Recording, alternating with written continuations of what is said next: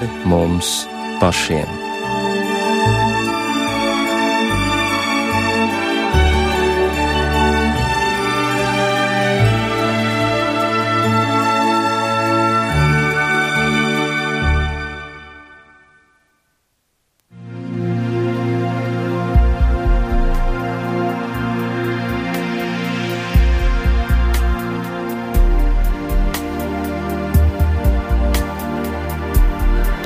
Labvakar! Eterā raidījums pāri mums pašiem.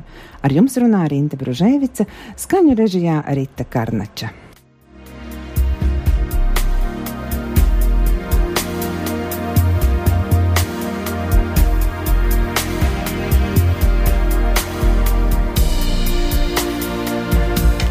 Cilvēka dzīvē ir brīži, kad no sirds dziļumiem pret debesīm paceļas lūkšana un tai seko atbildes gaidīšana. Ir cilvēki, kas pēc lūkšanas saņem visu, kas nepieciešams viņu dzīvei. Savukārt citi var lūgt bez apstājas, tomēr atbildi nesaņem, un tad ir sajūta, ka neviens tevi nedzird. Bet varbūt tiešām ir reizes, kad Dievs klusē, vai viņš atbild uz visām lūkšanām? Kā panākt, lai mūsu lūkšana tiktu uzklausīta? Par to būs saruna šajā raidījumā. Studijas viesi ir valmierieši, jo rīdznieks svin svētkus, un šovakar tie izskan, tāpēc viņiem ir brīvdiena. Studijā ir Valmieras vasaras svētku draudzes atklāsme mācītājs Andrejs Vatuļins. Labvakar! Un lūkšanu kalpošanas dalībniece arī draudzē atklāsme Anna Vatuļina. Labvakar!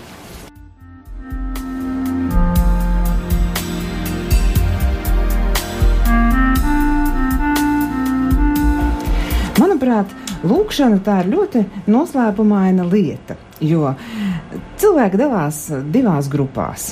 Tā vismaz, tādi vismaz ir mani novērojumi.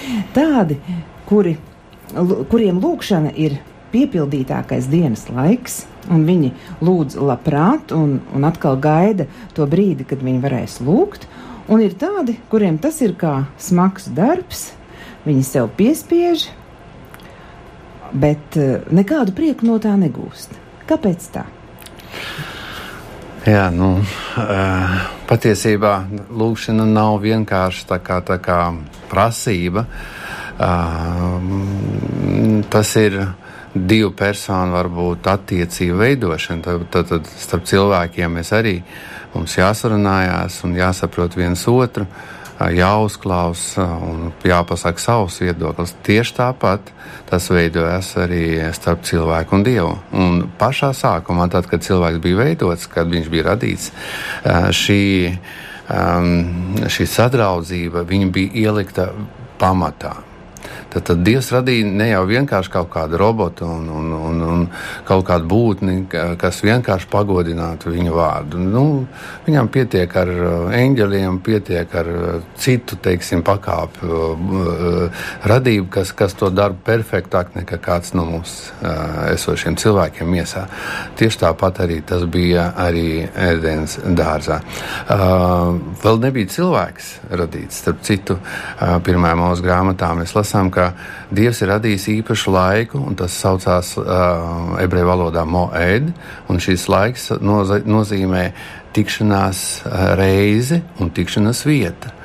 Un Dievs speciāli priekš tā, lai tiktos ar cilvēku, tieši tāda bija nozīme vai um, mērķis, Dieva mērķis. Viņš bija izveidojis īpašu vietu, kas saucās ēdienas dārsts. Ne jau vienkārši, lai uh, nu, tur tā forši pavadītu laiku, bet viņam bija mērķis satikties ar cilvēku un satikties tādā vietā, kur ir vislabāk sakārtota, lai nekas netraucē šai sadraudzībai. Vēlāk, ja es saku, ka mēs zinām šo tēvu reizi, un mēs zinām, ka viņš saka, ja tu gribi kaut ko saņemt no Dieva, tev jau jāiet savā kambarī. Kambars mēs citreiz asociējām šodien šīs vārdas daudziem ar noliktavu, citi lūdz toaletēs, vēl kaut kur. Nu, tas ir smieklīgi, bet patiesībā tas ir, ja es saku to pašu vārdu, viņš pielieto moē, tas nozīmē sakārtota vieta. Ēdienas dārzs. Un, ja tā ir patīkama vieta, patīkama apstākļi, veidojās arī pareizas attiecības, tur, tur ir sadraudzība. Tāpēc lūkšana ir dabiska lieta cilvēkam, kas ar, to dzīvo, saprot, kas tic, ka Dievs viņu mīl. Bet jā, tas ir vienkārši vajadzības piepildīšana skaidrs. Nu, Dievs nav veikals. Viņš var to darīt. Jā. Bet nu, pat uz veikalu, jā, kad mēs ejam, nu, ar zināmu cieņu jā, jā, jāgriežās pie pārdevēja. Mēs jau patiesībā interesanti, ka vārds lūgšana, lūgt, nozīmē tas, kam tu prasi, tu pieņem to vai nepieņem, bet tu lūdz. Tas nozīmē, tas cilvēks šajā brīdī ir nu, augstāks par tevi. Viņam ir, a tev nav tu lūdz, un tas veido attiecības. Bet, ja es pavēlu, tur ir citas attiecības. Tad, tad arī mūsu attiecības ar Dievu, ar kādu sirdis nāk viņa priekšā, uh, nu, tad arī tādu atbildi sagaidīšu. Tā varētu teikt. Bet cilvēkam ir vajadzīga pazemība, jo lūgt cilvēka dabā nav vienkārši. Ir jā. kaut kam jāpārkāp pāri. Nu, nu, kādam varbūt ir vienkārši uz ielas, piemēram, bombzītim. Nu, viņš visiem jā. lūdz. Jā? Jā, jā. Viņam tā nav Tas problēma. Ir tas ir darbs. jā. Bet daudziem ir grūti to izdarīt. Nu, tas nozīmē to, ka ir kāds nu, lepnums kam jātiek Jā. pāri? Uh, nu, piemēram, ja cilvēki nu, mīl viens otru, uh, teiksim, līga un līgavens, tad lūgt vienam otru patiesībā nav nekādas problēmas. Tas ir dabiski. Tur, kur ir mīlestība, tur šīs lietas notiek dabiski. Tas nozīmē, ja nav šīs mīlestības, patiesas mīlestības, ne jau nospēlētas kaut kāds tur, ja, patiesībā mīlestība pat nevar nopirkt. Tas, tas nemaksā ne, ne, ne cik un, un tik daudz, ka tu nezini, cik tas ir. Bet mīlestībā tas ir dabiski paprasīt kaut ko. Un tas pat tā, teiksim, mīloši cilvēki gaida, kad viņam kaut ko paprasīs, un viņam nav grūti paprasīt otrai pusē. Tāpēc, ka tas veido attiecības. Un ar to starp citu atklājās arī, kas ir kas. Vai tu tiešām vari paprasīt, palūgt? Un tāpēc lūkšanas būtība ir attiecību veidošana. Tas ir brīnišķīgi. Cilvēki, kas to baudījuši, viņiem nav problēmas lūgt Dievu veidot šīs attiecības, sarunāties ar Dievu. Skaidrs, ka ir cilvēki, kas sasnieguši kaut kādus līmeņus, piemēram, nu, ticības tēvu un, un, un Bībeles piemēru, un, un arī šodienas cilvēki, kas tā, kam paveicās, mēs sakam, vai kam sanāca tāda lūkšana.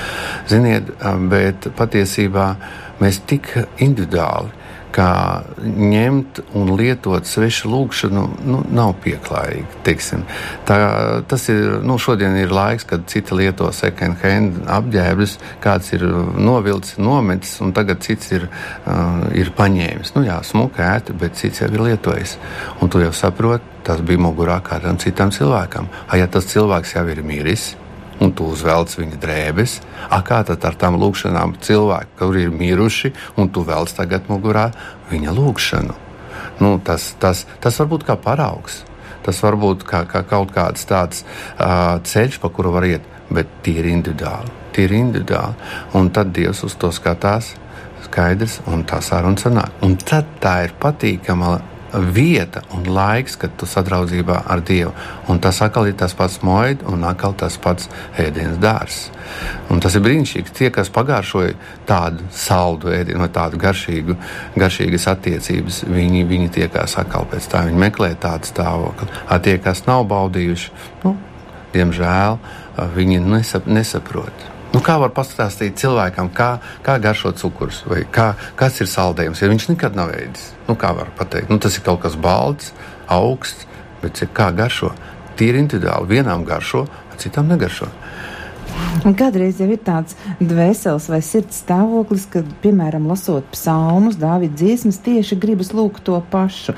Anna, kā tev ir ar, ar lūkšanām? Kur ir tavs kambaris un, un kā tu vispār nu, iemācījies vai sāki lūgt? Nu, īstenībā es iemācījos lūgt jau bērnībā. Um, man mamma vienmēr teica, ka uh, viss. Uh, ko tu gribi savā dzīvē sasniegt, eh, tev jāzina vienu lietu. Tev jāmācās lūgt Dievam. Un īstenībā es arī saviem bērniem to saku, ka eh, man būs liels prieks, ja es zināšu, ka jūs zinat, ka vajag lūgt, ja jūs mācīsiet lūgt, un jūsu lūgšana būs atbildēta. Tā nozīmē, ka jūs uz pareiza ceļa, ka jums tās attiecības ar dzīvu Dievu ir, tāpēc, ka jums ir tā saruna. Un uh, mana dzīve īstenībā, es varu teikt tā, ka, nu, mana lūkšana, tā ir mana dzīvībā, tāpēc, ka ļoti daudz, daudz lūkšanas uh, man bija atbildētas. Bija tādas lūkšanas, kuras varbūt man vajadzēja lūgt vairāk vai prasīt vairāk. Un es arī atradu to eh, jaunā derībā, kā Jēzus arī stāstā par to atraitni, kurā uh, nāca pie uh, tiesneša un, un, un viņš tāds, kurš nekaunījās cilvēku, dievu nebaidījās, bet viņa visu laiku viņam lūdza. Un tā tas dzīves piemērs, ka nu, nebaidījies lūgt, nu, nebaidījies prasīt. Un tur pēc tam Jēzus saka, es arī dzirdu jūsu lūgšanas, bet varbūt kavējos ar atbildēm. Bet noteikti dzirdu. E, un mana dzīve arī tāpat bija. Bija lūkšanas, kuras Dievs man atbildēja ļoti ātri. Bija lūkšanas e, vai atbildes, kuras es gaidīju ilgi. E, viens notikums manā dzīvē bija 14 gadu garumā. Es dabūju atbildē, varbūt tā pateikt, uzvaru uz, uz mūsu lūkšanām, varbūt tā kā ģimenei. Un ko es vēl varu teikt, uz katru situāciju, uz, uz katru problēmu vai prieku vai vēl kaut kas ir, ir cita lūkšana, savādāka lūkšana, ka tu gāji cauri tam, ka tu jau pagaršoji to lūkšanu, pagaršoji atbildi, ka tu jau zini, ka tev ir tas attiecības ar Dievu, tad tu arī e, to soli spēr droši uz priekšu, ka tu vari tiešām aizliegts. Jā. Aizliegt kaut ko. Es varbūt ņemu tādu piemēru sev dzīvē. Bija laiks, kad Jēzus pieceļas laivā un aizliedza vētrai. Viņš konkrēti pateica: miers, viss.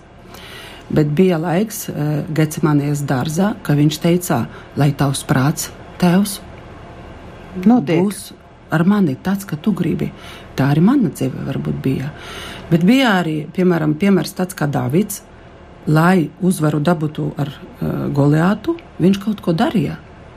Viņš zināja, ka viņam vajag paņemt to ieroci, ar kuru viņš bija drošs, un viņš uzvarēja. Tā arī, arī mana dzīve ir bijusi visādi notikumi, kurus varēju ar Dieva vārdu aizliegt. Es varēju pateikt viņam, lai būtu tavs prāts manā dzīvē, un es varu arī kaut ko darīt. Un tā, tā lūkšana veidojas. Tā lūkšana ir. Būtībā lūkšana vispār ir jāmācās, vai ne? Es domāju, ka jā. Un, un kā tu bērniem māci to lūkšanu? Tu viņiem priekšā lūdz, un tad viņi atkārto, vai ļauj viņiem pašiem teikt to, ko viņi vēlas?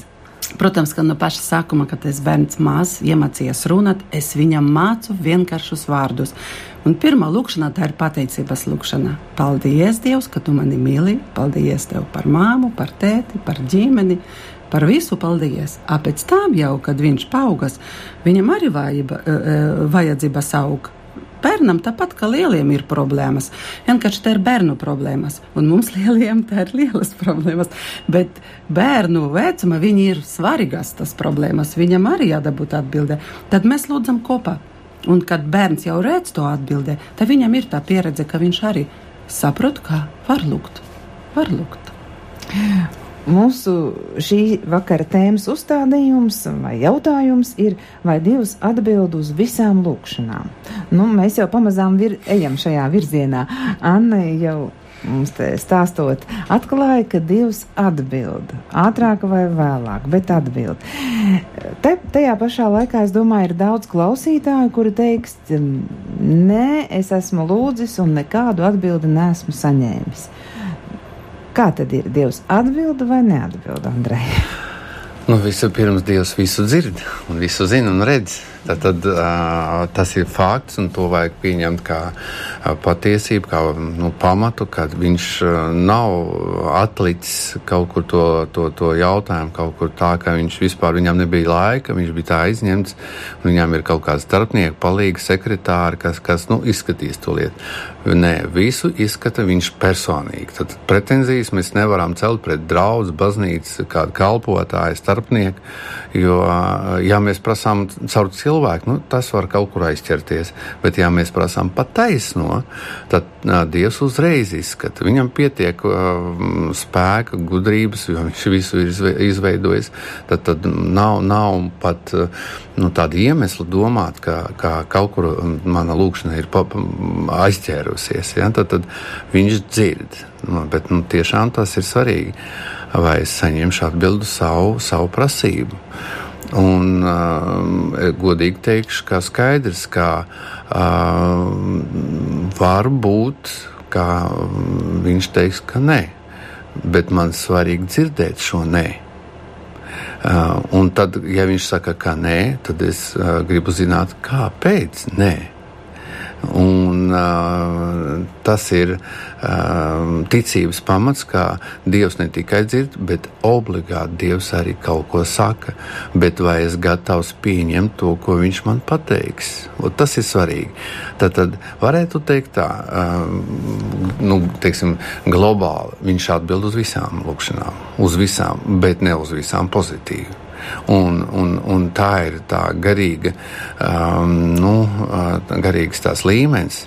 Man vajag saprast un dzirdēt, ko viņš ir teicis. Teiksim, man, es teiksim, neesmu tāds speciālists, ka es, man viss izdodas. Kā reiz otrādi es teikšu tā, ka man um, daudz problēmu, kā katram cilvēkam, Un es domāju, ka kalpotājiem vai mācītājiem man tā šķiet, ka tieši garīga problēma vēl vairāk nekā citiem cilvēkiem, un man vajag zināt, tieši konkrēti atbildi no Dieva, kāpēc man, piemēram, pēdējais laiks, es, es pat paņēmu gavēni, un trīs nedēļas gavēju man vajadzēja atbildi no Dieva. Man bija trīs jautājumi un, un, un es nedzirdu atbildi. Un tad vienā dienā es nāku pa trepēm vienkārši jau, es jau noguris no sevis, no savas lūkšanas, no sava gavēņa, no savām prasībām. Vienkārši noguris. Es gribu, man vajag turēt rokās to, ko es prasu. Un pēkšņi es dzirdu konkrētu vārdu par sevi. Tu esi iesējis vētru, ne, vēju, un tu pļausi vētru ko tu gribi. Un es pēkšņi visu sapratu, ka viena mana lūkšana ir tukšā. Es saku, kungs, bet tu taču varēji to pateikt trīs nedēļas atpakaļ.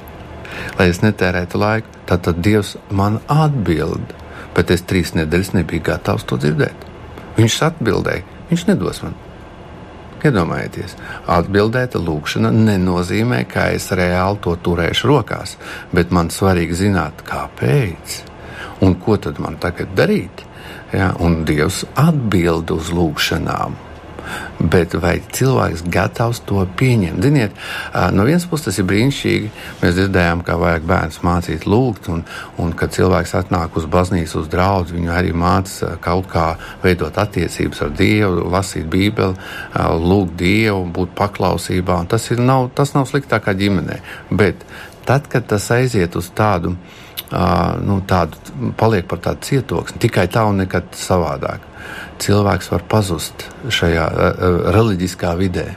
Viņš vairs nedzird, tāpēc ka viņš ir pieradis, ka viņu tā iemācīja, ka tikai tā vajag lūgt, ka tikai tādas būs atbildes, ka tikai tādā veidā, un viņš tādās drēbītēs ir izaudzis, un, un tās drēbītes ir par mazu.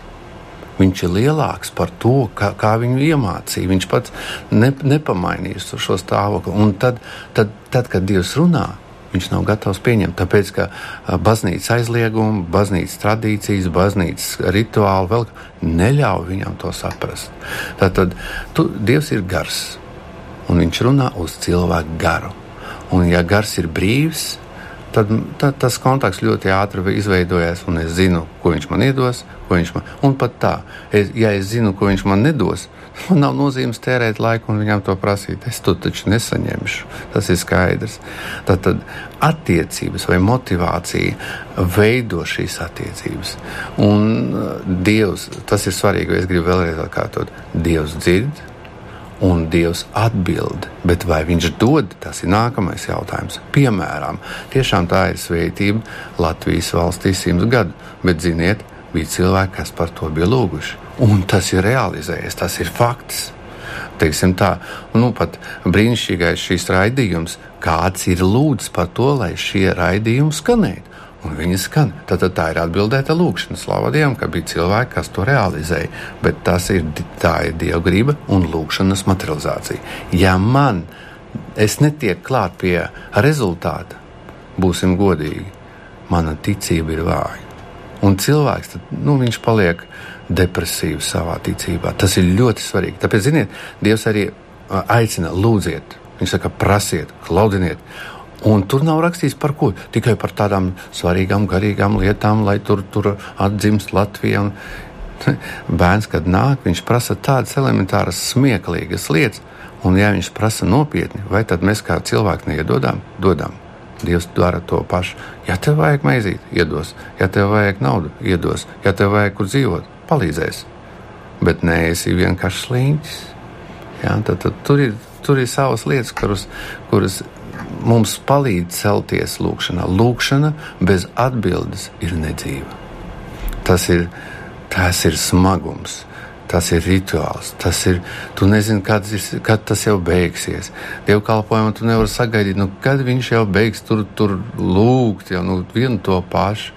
Kāpēc cilvēki tā domā, kāpēc viņiem grūti uh, dievkalpojumu laikā palūgt un vai būt ko palūgt? Tāpēc, ka viņi neredz atbildi, viņi nav saņēmuši atbildi un ticība neaug bez atbildes. Bet grūti ir gaidīt, piemēram, kā Anna teica, nu 14 gadus. Nu, vai nav kāds īsāks ceļš, lai ātrāk dabūtu atbildi? ir. ir, bet mana gadījumā es varu teikt, ka tā bija tas ceļš, kur viņš mani tā kā rūdīja.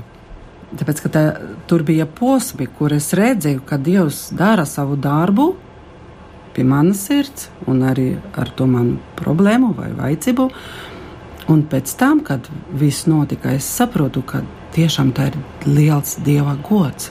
Un caur to viņš izveda mani un arī parādīja, ka tiešām jālūdz, jāprasa, jāklauve. Nedrīkst apstāties. Nedrīkst būt uz sliņķiem vai vienkārši, nu, kā teikt, uh, Palaist at, atmest ar roku Jā. visu. Nē, nē, Dievs dzird. O, bet tā tad tam, ka lūkšanai nav rezultāta, var būt par iemeslu dieva griba. Ja? Varbūt. Arī. Nu, nu, rezultātam, respektīvi, tai atbildē ir jābūt, es saprotu no jūsu teiktā, jā, jāsaņem, bet ja nesaņemam to, ko mēs lūdzam, jā, tad tur stāv pretī dieva griba, jo viņa acīm redzot griba ir citādāka nekā mūsu lūgums. Bet mums tad vajag zināt, ka viņš grib kaut ko citu. Es biju vienā uh, uden, piedal, nu, tādu reizi biju Baltkrievijā, tiku uz vienām ūdens kristībām.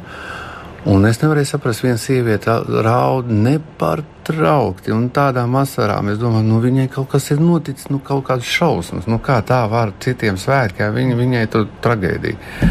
Es pienācu klātā korekti apjautāju, varbūt kaut ko palīdzēt vai kas ir noticis. Viņa saka, nē, es priecājos. Es esmu lūgus par savu meitu 25 gadus, un šodien viņa noslēdz derību ar Dievu. Un viņi tur raudāja balsī. Bet, ziniet, es zinu citu gadījumu, arī mūsu draudzē, kad uh, viena jauna māsa lūdz par savu māmu un tanti. Viņa atnāca praktiski nedēļas laikā. Kā tu gribi? 25 gadus gaidīt vai nedēļu? jautājums. Tas ir skaidrs. Mums gribās ātrāk. Mums gribās jā, ātrāk nu, Un tas ir labi. Bet uh, patiesībā daudz kas atkarīgs no mums. Jo, redziet, mēs lūgsim tēvreiz, lai tavs prāts kā debesīs. Tā arī ir zemes. Pagaidā debesīs ir vai nav? Skaidrs, Dieva prāts ir debesīs. Brīnišķīgi. A, kas mums te uz zemes? Tuk, tuksnis. Kāpēc nav? Bet lieta tāda, ka starp debesīm un zemi es es kā kanāls. Un ja es ar sevi nevaru izlaist dievu gribu, tad kā viņi var piepildīties? Dievs darbojas šeit uz zemes, viņš var bez šaubām, bez cilvēka iztikt pilnīgi. Bet šodien ticībā viņš darbojas caur ticīgu cilvēku. Tu esi kanāls. Un, ja caur tevi dievu griba nevar tikt, nu, teiksim, tā varbūt rupskan, izlīst caur tevi un parādīties uz zemes, tad tavs kanāliņš ir pavisam tieviņš At tu prasi globālas lietas, lielu lietu tu prasi, lai tas piepildās tavā dzīvē, at tu pats caur sevi nevar izlaist. Tas kaut kur iestrīga. Tas nozīmē, vajag paplašināt ticību. Un tas, tas tad parādīsies arī reāli taustāma atbilde. Man, man ziniet, tās kristīgās teorijas, viņas, viņas nomok ticīgus cilvēkus, un, un tad arī ticība zūd. Bet tur, kur mums ir atbilde, cilvēks ticībā aug, viņš ir priecīgs, viņš ir stiprs un viņš var veidot apkārt sevi pozitīvu pasauli. Tas ir fakts. Savu skanējumu turpina raidījums pāri mums pašiem. Šovakar mēs domājam par to, vai Dievs atbild uz visām lūkšanām. Studijas viesi ir Valmieras vasaras svētku draudzes atklāsme mācītājs Andrejs Vatūļins un lūkšana kalpošanas dalībniece Anna Vatūļina. Raidījuma pirmajā pusstundā mēs jau esam izrunājuši par to, ka lūkšana ir katra cilvēka dzīves pamatā. Var teikt, ka tā jau ir piedzimstot ielikt mūsu sirdī, mūsu attiecību veidošana ar Dievu. Tā ir divu personu sadraudzība. Un katram ir vajadzīga kāda tikšanās vieta vai kambaris, kā tas ir rakstīts um, jaunajā derībā. Bet tas nav nekāda tumša un augsta un, un vēsa vieta, kaut kur tā kā cietums, bet tā ir sakārtota vieta, konkrēta, konkrēts arī laiks lūkšana, kur mēs satiekamies ar Dievu un šīs attiecības veidojas un tā pamatā ir arī mīlestība. Un tad tas ir dabiski, un, un lūkšana nav piespiesta. Tātad tā ir attiecība veidošana un sarunāšanās ar Dievu, un visas lūkšanas Dievs atbild. Tā teica raidījuma viesis, un šī atbilde mums noteikti ir jāsadzird, bet tā var būt arī negatīva. Dievs var arī teikt nē, un arī tas mums ir jāsadzird. Bet es gribu teikt, tas ir tas grūtākais, patiešām šo atbildi saņemt un sadzirdēt. Un acīm redzot, tā nav dieva garība. Bet kā lai mēs tad izzinām viņa gribu un tiešām ko tad darīt pēc tam, kad mēs eh, sadzirdam šo nē, pateikties, priecāties? Jā, nu, ziniet, es pastāstīšu vienu gadījumu. Viens pāris, nu, teiksim, viņi vēl nebija precēti ļoti gribēja veidot ģimeni, un viens un otrs, un tad, kad iepazinās, un ziniet, Dievs, nu, liekas, ka viss bija sakārtots. Dievs saveda divus cilvēkus. Brīnišķīgi, vai ne? Viņi salauzās, izveidoja ģimeni, parādījās bērni, un tad sākās konflikti. Un, ziniet, viņi tādi stipri konflikti, es nezinu, kā tur viss tas beidzās līdz galam, bet es dzirdēju tādu pārmetumu Dievam. Dievs, kāpēc tu pieļāvu, ka es apprecējos. Es labāk būtu dzīvojis viens. Tad, tad prasīja, Dievs atbildēja, Dievs iedeva, ko gribēja. Un pēc tam izrādās, ka Dievs atkal vainīgs, tāpēc ka viņš viņam tomēr iedeva. Ko tagad darīt ar tādu sievu, kur viņu likt? Ja? Tad, tad tomēr uh, skaidrs, ka mēs neredzam, mēs redzam varbūt vienu soli uz priekšu, bet Dievs redz visu mūsu mūžu uz priekšu un viņš zina tās lietas uzreiz. Es godīgi teikšu, svarīgi dzirdēt to nē, un, ja tu gribi, tad dzirdēs, dzirdēs arī kāpēc nē. Un tad cilvēkam ir miers ar sirdi. Viņš var nu, pieņemt, nu, labi, tad man to arī nevajag. Bet vienkārši, kad nē, un tev jātic, un jā, nu, tu nezini, tad cilvēks kaut kur mokās. Ja liela, tad, teiksim, ticības līmenis diezgan augsts, tad tu vari vienkārši pateikties, un labi, es piekrītu tev, Dievs. Bet es daru parasti tā, Dievs, kāpēc nē? Un, ja es gribu, Dievs man parāda, kāpēc. Un tad es mierīgi varu pateikt, paldies, kungs! Paldies, ka tu man to nedevi, tāpēc ka es zinu, ka tas nenest man labumu vai manai ģimenei vai kalpošanai. Tad, tad, tad, tad es teikšu tā, ka tas ir uh, skatoties, uh, nu, kā, kā, kā es pieprasu vai prasu. Ja es tomēr sapratu, ka tas ir Dievs, kas ir labs, priekš, ne jau priekš visas pasaules, jā, tas arī tā ir, bet tieši priekš manīm. Ja tā ir daļa man, vai pamats manai ticībai, ka Dievs ir labs, ka tas ir globāli labs, ka viņš nemainās. Viņš ir brīnišķīgi tie, tiešām priekš man un nekad man slikti neizdarīs. Viņš nekad man slikti neizdarīs. Tas nozīmē, tad, kad es dzirdu nē, es vienalga varu pateikties. Ir pateicība par atbildētu lūgšanu. Tas arī ir svarīgi. Tas nav tā, ka tu dabūji, paņēmi iebāzi kabatā un aizgāji. Ziniet, kad nāca atmoda, kad Latvija saņem šo brīvību no Dieva rokām, tas nav tas ir, ziniet, cilvēki, kas interesējas par vēsturi, viņi saprot, ka tas bija pārdabiski. Latvijas neatkarība bija pārdabiska lieta. Tur, ziniet, tā, tā, tā, tas, kas bija Padomu Savienībā, tas, tā, tā, tā sistēma, iznīcinošā sistēma, tas bija viens veids gad, gadījums, un no Latvijas nekas nepalika. Tā ir Dieva atbilde. Dievs lika šai valstī pastāvēt. Un es ļoti labi atceros tos laikus. Dievnam, baznīcas, draugs, pārpildītas bija ar cilvēkiem. Nebija kur sēdēt, nebija kur stāvēt. Visi gribēja nākt uz baznīcu. Pagaidiet, pagaidiet, pavisam īsts laiks, trīs, pieci gadi. Baznīcas tukšas. Tad, tad mēs saņēmām, pagriezām muguru un aizgājām. Tālāk nāk ekonomiskā verdzība. Ziniet, un tas fakts šodien, tad, tad, ja nav pateicības un aiz pateicības uzticības skaidrs, ka tas, ko tu esi saņēmis, to tu vari pazaudēt. Tad, tad nākamais solis ne tikai pateikties par jā, un ne tikai pateikties par nē, un saprast, kāpēc nē, bet būt tālāk, kad tev ir nē, vai tad, kad ir, tu esi saņēmis šo lietu, uzticīgam līdz galam. Tāpēc rakstīts 13. nodaļā Jāņa Evanģelijā, ka Jēzus ir mīlējis savus līdz galam vai līdz beigām. Ne līdz kaut, kādam, kaut kādai robežai, bet līdz galam. Ziniet, ja mēs pārliekam šo latiņu zemāk, zemāk, zemāk, tad, diemžēl, tā lūkšana var būt arī nu, būt tas rezultāts, to viņu, viņu var pazaudēt tas ir tāds nu, skumjš, varbūt secinājums, bet diemžēl daudz nesaņem arī atbildi, tāpēc ka viņi saņem, saņem, saņem un bija nepateicīgi Dievam par to, ko viņi ir saņēmuši. Anna, kā, kā norit lūkšana dzīve tavā ģimenē, bet tu vēl gribēji mm, piebilst? Es varbūt gribu drusciņi piebilst to, ko mm, varbūt kāds domā, ja viņš daudz lūks, tad noteikti Dievs pamainīs savu viedokli vai pamainīsies. Mums jāzina, ka Dievs nemainās. Īstenībā lūkšanā, kuru es tiešām lūdzu no sirds, tā dziļi domājot par to, vispirms viņa maina mani.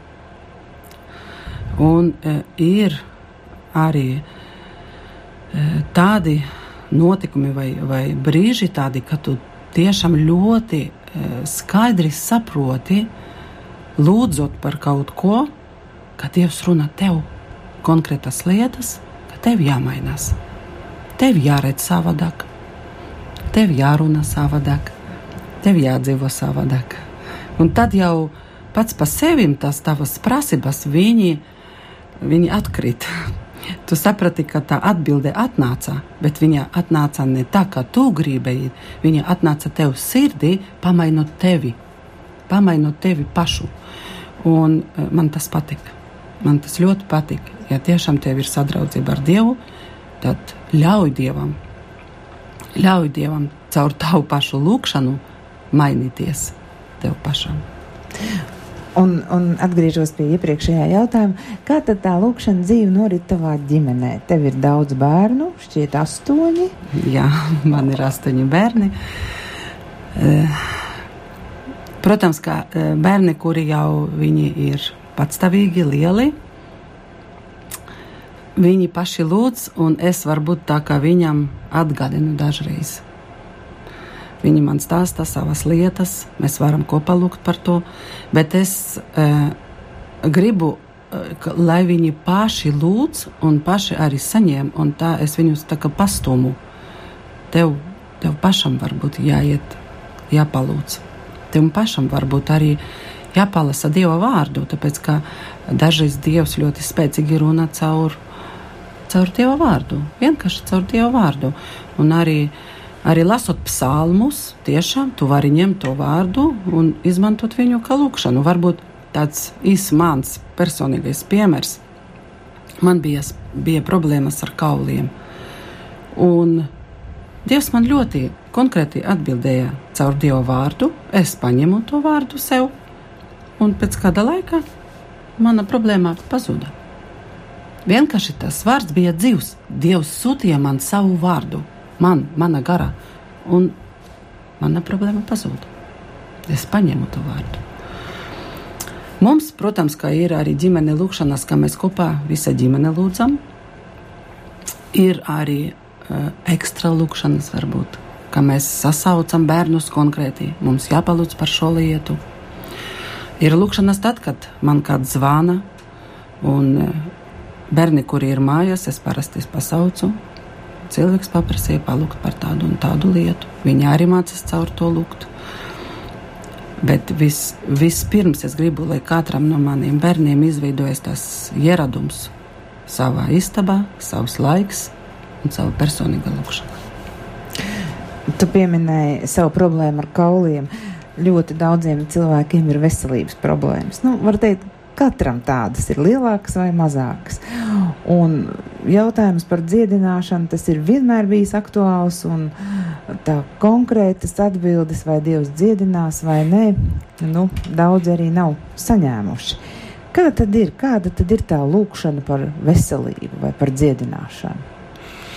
Tāpat kā katra lūkšana, tā ir svarīga lūkšana. Nu, ja mēs saliekam pēc pa plautiņiem, kura pirmā, kura otra, tad nu, arī tā var. Dievs jau dzird visu. Bet, ziniet, nu, tas bez šaubām tas arī ir ticības jautājums. Piemēram, man arī bija tāds gadījums, kad ļoti stipri sāpēja nu, ne kaulu, bet locītavu, pat pastaigāt nevarēja pienāca mm, dēls, kas praktiski nevarēja runāt. Viņš vienkārši teica, tētim sāp. Visa viņa lūkšana bija. Momentāli bija dziedināts. Viss viņš uzlika roku un pateica, tētim sāp. Tāda bija viņa lūkšana. Es biju dziedināts momentāli. Ne jau vajadzēja tur ilgāku laiku gaidīt, meklēt kaut kur kādas svaidītas vīrus un tā tālāk. Tas nozīmē, ka uh, tāda vienkārša ticības lūkšana, viņa strādā varbūt ļoti ātri. Tas ir fakts.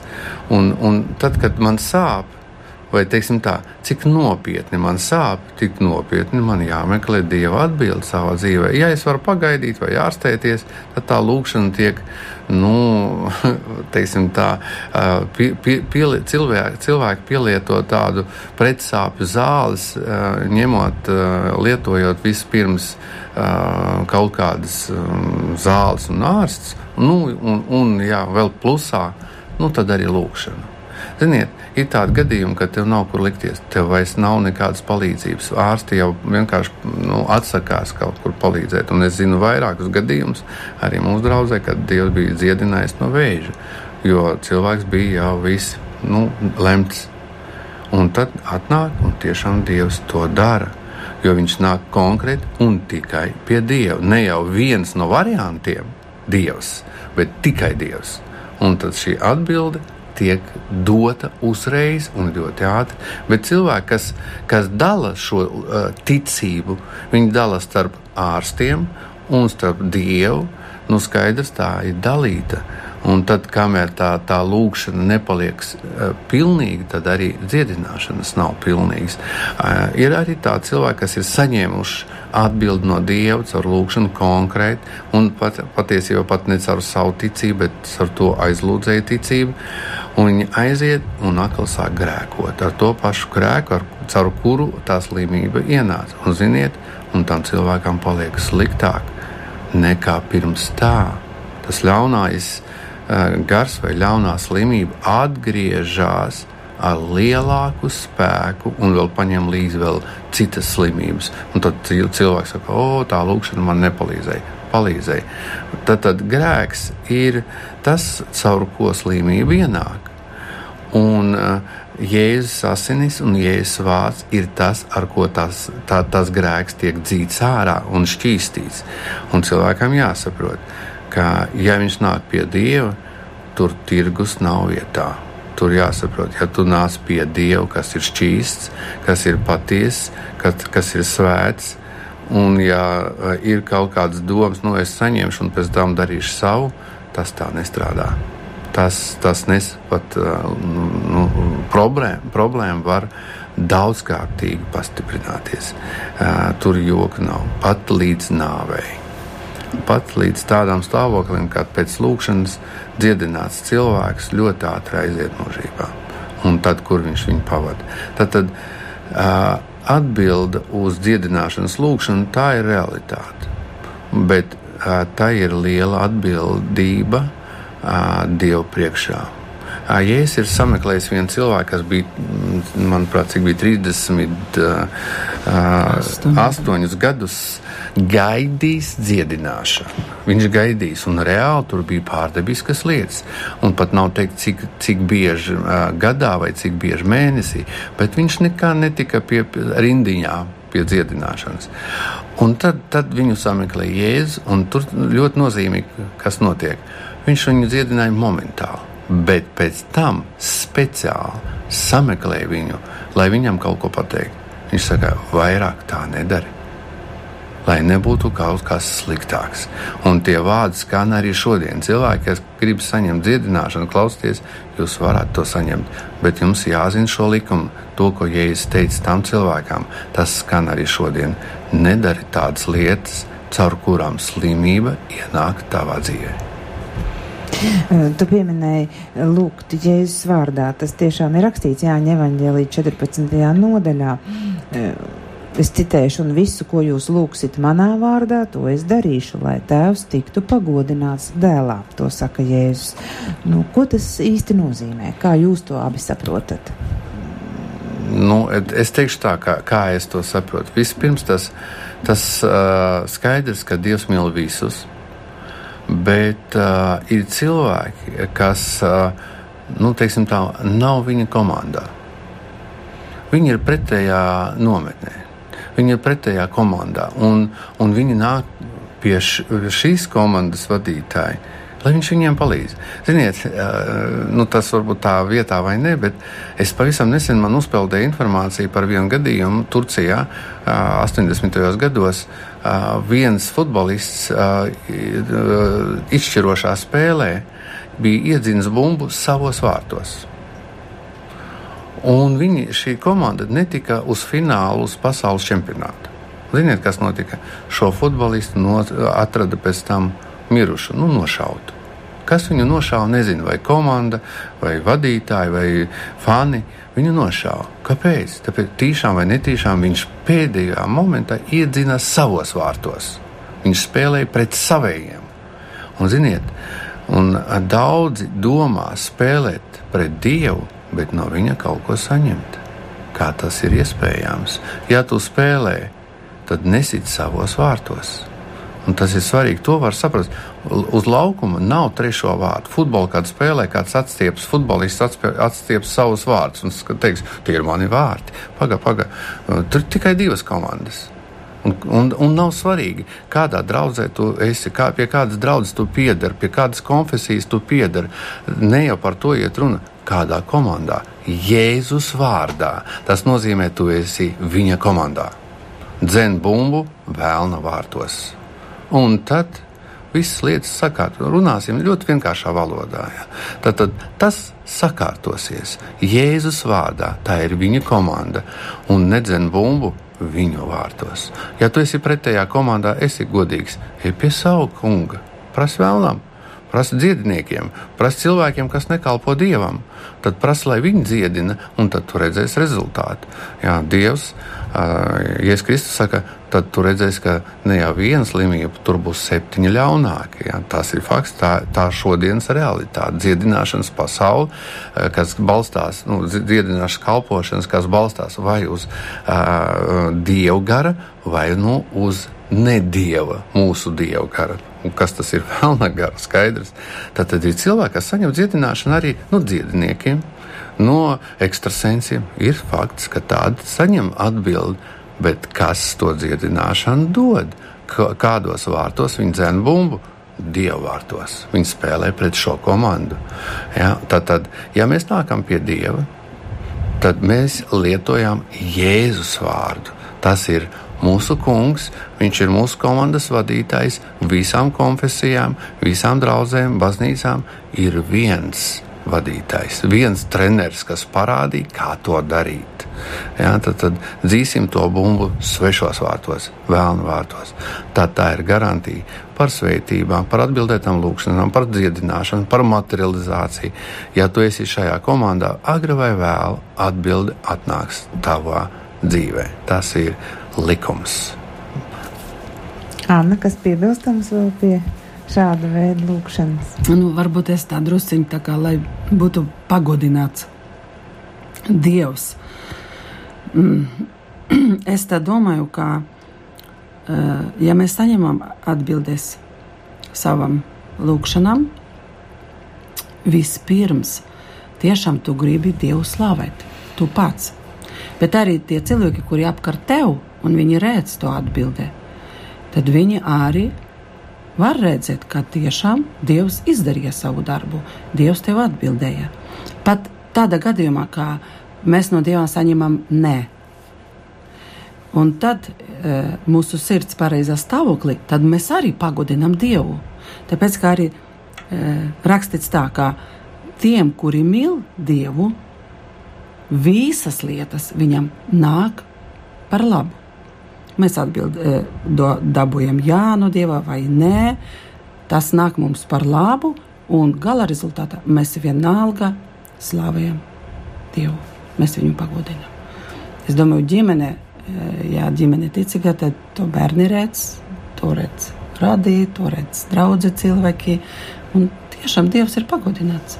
Dievs un, un tu arī redzēji pati savā ģimenē, eh, ka, kad Dievu lūdzu un, jā. un atbildes bija. Un... Jā.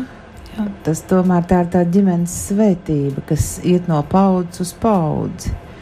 Un tas ir bērniem jāmāca un jāredz. Un vēl nobeigumā, kā ir, vai ir nepieciešams lūgt atkārtot par vienu un to pašu lietu? Jā, ziniet, ir tāda, tāds stāsts par Jēkabu, kas cīnījās ar eņģeli. Viņam vajadzēja iet apsolītā zemē. Tas ir apsolījums. Dieva atbildes ir apsolījums. Man vajag turēt rokās to, ko es prasu. Man vajag. Bet ir cilvēki, nu, cik ilgi prasīt. Viņš cīnījās visu nakti. Un interesanti, tur ir tā, tāds teikums.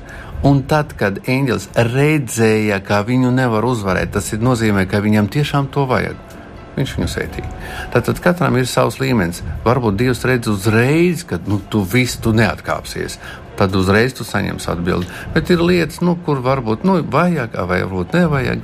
Tad, kamēr tu nepateiksi konkrēti, man vajag, tikmēr tās atbildes arī nebūs. Tāpēc bērni, kad viņi prasa, viņi jau zina, ka viņi jau prasīja, ziniet, kā bērni. Kā ja, ja viņš pieķerās, viņš ieķerās mamā, viņš veikalā var bļaut, viņam vienalga, ko par viņu domā, viņam vajag.